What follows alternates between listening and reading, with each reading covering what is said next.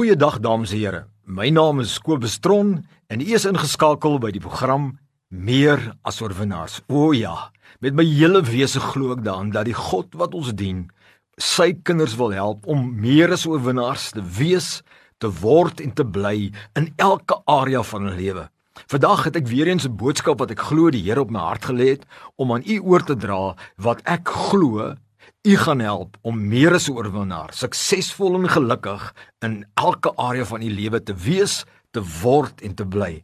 Ek wil hê ons moet saam begin lees vandag uit die Bybel uit die woord van God uit Hebreërs 3 vers 12 en ek wil hê dit moet die basis wees van hierdie boodskap wat ek glo die Here op my hart gelê het. Hebreërs 3 vers 12, kom ons lees saam. Sorg daarvoor broeders dat daar nie miskien in een van julle 'n bose en ongelowige hart is deurdat hy van die lewende God afvallig word nie. So duidelik sien ons hier die skrif wat sê dat die woord van die Here vir ons vermaan en aanmoedig om nie 'n bose ongelowige hart te kry nie. En dit is waaroor ek glo die Here met u wil praat vandag. God wil vir u sê vandag, dis wat ek glo, hou aan om in my te glo. Hou aan om in die Here te glo, om jou vertroue op hom te plaas. Hou aan, tel jou skuld van geloof op en hou jou skuld van geloof omhoog. Laat nie toe dat enigiets jou weerhou om op te hou glo in die Here nie. Glo met alles in jou hart. Die Here soek jou bereidwilligheid. En hy beloof vir jou, hy sal vir jou die nodige geloof in jou hart gee. En hy sal vir jou die nodige krag gee om te glo. En dan kan hy doen wat hy wil want sy genade is genoeg. Maar hy kan dit net doen as jy gaan bereidwillig wees om te sê Here ek wil Ek wil glo. Ek wil my skuld van geloof ophou. Dan kan hy deurkom en vir jou geloof gee deur die Heilige Gees en vir jou krag gee om te glo. Maak nie saak in watter omstandighede jy is nie. Dalk by die werk, dalk finansiëel in 'n nood, dalk in jou huwelik met 'n uitdaging, dalk rondom jou kinders, dalk 'n liggaamlike uitdaging. Maar die Here sê, "Vertrou op my. Glo my. Glo dat ek gaan deurkom. Moenie jou skuld van geloof neersit nie." Daar's 'n gelykenis van die Here Jesus Christus in Markus waar Jesus praat oor die pa, die vader wat rondom sy kind wat in die, homself in die vuur gegooi het en en verkeerde dinge gedoen het en en 'n kwaal gehad het. En dan kom die Here Jesus na hom toe en hy hy roep uit, hy sê Vader, help my. En dan kom die Here Jesus en hy sê in Markus 9 vers 24 en dadelik roep die vader van die kind met trane uit en sê ek glo Here kom my ongeloof te help. Jesus het vir hom gesê, ek wil jou help, maar jy moet glo. En kyk mooi wat hy sê. Hy sê hy sê met trane, ek glo Here, kom my ongeloof in hulp. Kan jy sien? Met ander woorde, hy het gesê ek glo, maar hy sê ook aan die ander kant, help my my God. Help my, help my om te glo. En dit is wat die Here ons wil hê. Die Here wil hê ons moet in ons huidige situasie sê, Here, my oë gefestig op U U is die volëinder van my geloof. Ek glo. Help my deur die Heilige Gees om te glo. Geseënd is die afhanklikes van God. Hulle sal die koninkryk van God sien. En net soos daai man toe gekies het om te glo en te sê help my in die geloof, toe het die wonderwerk plaasgevind. Net so is God vandag met ons besig, maar hy sê vir jou, tel op jou skuld van geloof. Ek wil vir jou wonderwerke doen. Ek wil vir jou help op die maniere wat ek dink die beste is, maar ek het jou geloofskuld nodig. Ek het nodig dat jy opkyk na my. Hebreërs 12 vers 2 sê die woord so baie duidelik. Hy sê die oog gefestig op Jesus, die leids leidsman en volëinder van die geloof.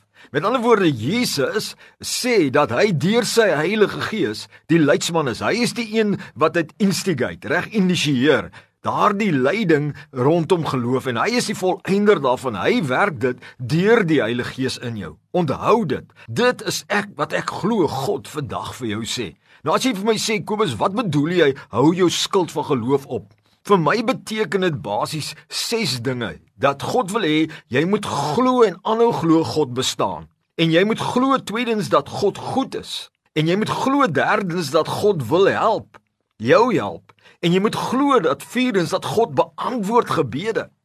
En vyftens moet jy glo dat God lei en praat met jou deur sy Heilige Gees in jou hart. En dan sestens moet jy glo hy's 'n beloner vir die wat hom soek, die wat hom dien, die wat hom volg.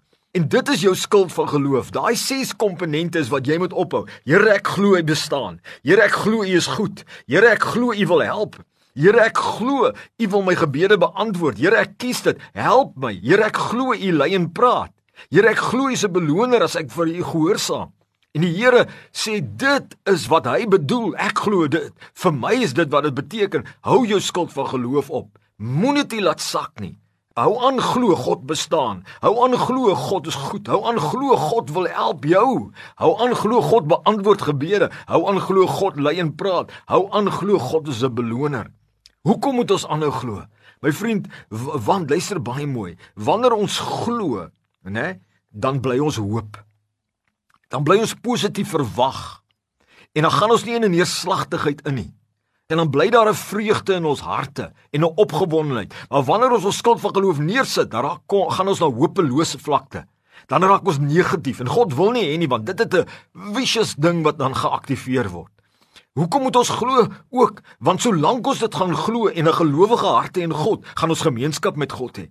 Maar wanneer ons ons skuld van geloof neersit, dan sny ons die gemeenskap. Dan wil ons nie met die Here praat nie. En wanneer ons glo, dan is ons oop en ons harte is oop om te luister wat die Heilige Gees sê. Maar wanneer ons in ongelowige land ingaan en ons sit ons skuld van geloof neer, dan wil ons nie luister nie dan is ons nie meer bereidwillig om te luister nie. En ons is ook nie bereidwillig om te gehoorsaam nie. Maar wanneer ons glo, dan raak ons bereidwillig om te luister en te gehoorsaam aan die Here. Dis hoekom die Here vandag sê: "Sorg daarvoor, broeders, dat daar nie miskien in een van julle 'n bose en ongelowige hart is, deurdat hy van die lewende God afvallig raak nie."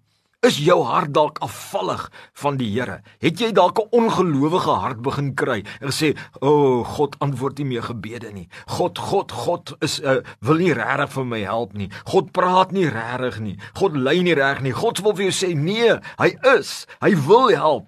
Glo dit. Tel hy skuld van geloof op en hou aan, hou aan om te glo. Hou aan, hou hou aan asseblief. Moenie toelaat dat enigiets jou weerhou om in die Here te glo en te glo dat hy jou wil help nie. Hou aan en onthou nou, God wil vandag vir jou geloof gee. God wil vandag vir jou krag gee.